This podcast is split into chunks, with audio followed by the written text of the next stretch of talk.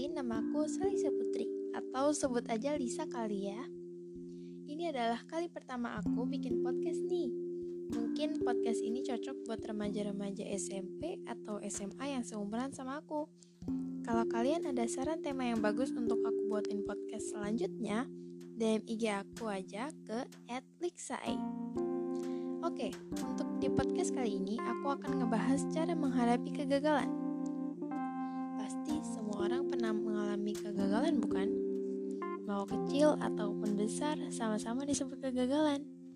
Misalnya, kalian sudah berusaha mati-matiin buat dapetin nilai bagus pas ulangan, eh ternyata malah anjlok. Lalu kalian kecewa ternyata usaha kalian selama ini sia-sia. Karena kalian harapan orang tua satu-satunya, kalian dituntut untuk harus mendapatkan nilai bagus agar mendapat sekolah yang bagus pula atau masih banyak hal lain selain itu.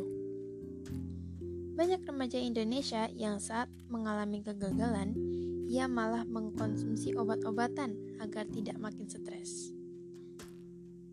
Memukulkan kepalanya ke dinding, bahkan ada juga yang cutting karena tidak sanggup dengan kegagalannya. Maka dari itu, aku buat caranya menghadapi kegagalan. Pertama, saat mengalami kegagalan, jangan mengeluarkan emosi dulu. Tarik nafas yang panjang, lalu hembuskan perlahan. Ulangi beberapa kali hingga kalian merasa tenang. Kedua, pikirkan kalau sebenarnya kegagalan itu hanyalah sukses yang waktunya ditunda. Entah kapan terjadinya, namun berpikir positif saja bahwa kegagalan itu hanyalah sementara. Lalu kalian harus bangkit lagi dan berusaha lagi agar kegagalan itu membuahkan kesuksesan. Ketiga, introspeksi diri bahwa sebenarnya apa yang membuat kita salah hingga menghasilkan kegagalan. Namun, berpikirlah dengan tenang dan damai, tidak perlu membawa emosi. Jika kalian mengingat masalah-masalah yang tadi untuk menyebabkan kegagalan, gak usah pakai emosi ya. Kalian pikir aja tenang-tenang dan oh ya, kalian perlu mengusap dada saja kayak oh ya itu kesalahanku sendiri dan aku harus mengubahnya agar menjadi lebih baik. Keempat, jika kalian masih merasakan emosi atau amarah dengan kegagalan yang tadi, jangan tumpahkan ke hal yang negatif, karena itu bisa memicu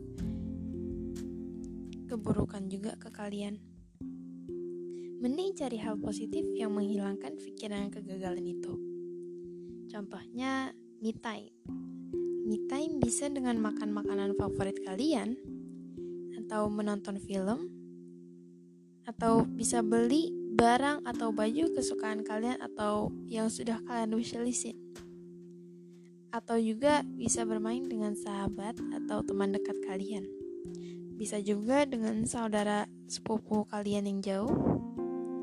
Atau bisa juga um, spend time with your family. Karena kan kebahagiaan orang beda-beda. Jadi ya kalian bisa Cari hal positif yang kira-kira bisa menyenangkan kalian. Oke, segitu aja. Gimana saran aku tentang cara menanggapi kegagalan? Kalau ada salah kata, mohon dimaafkan ya. Namun, jika ada yang kurang, tolong kasih tahu aja ya di mana. Dan jika ada saran untuk podcast selanjutnya, DM IG aku aja ya ke @lixa a. Lixa A-nya ada dua, X-nya ada dua, terakhirnya EY. Semoga kalian menikmati podcast yang tadi ya. Dan jika kalian suka podcast ini, jangan lupa dukung aku di podcast ini, oke? Okay? Aku Lisa. Thank you for hearing until end and see you on the next podcast. Bye.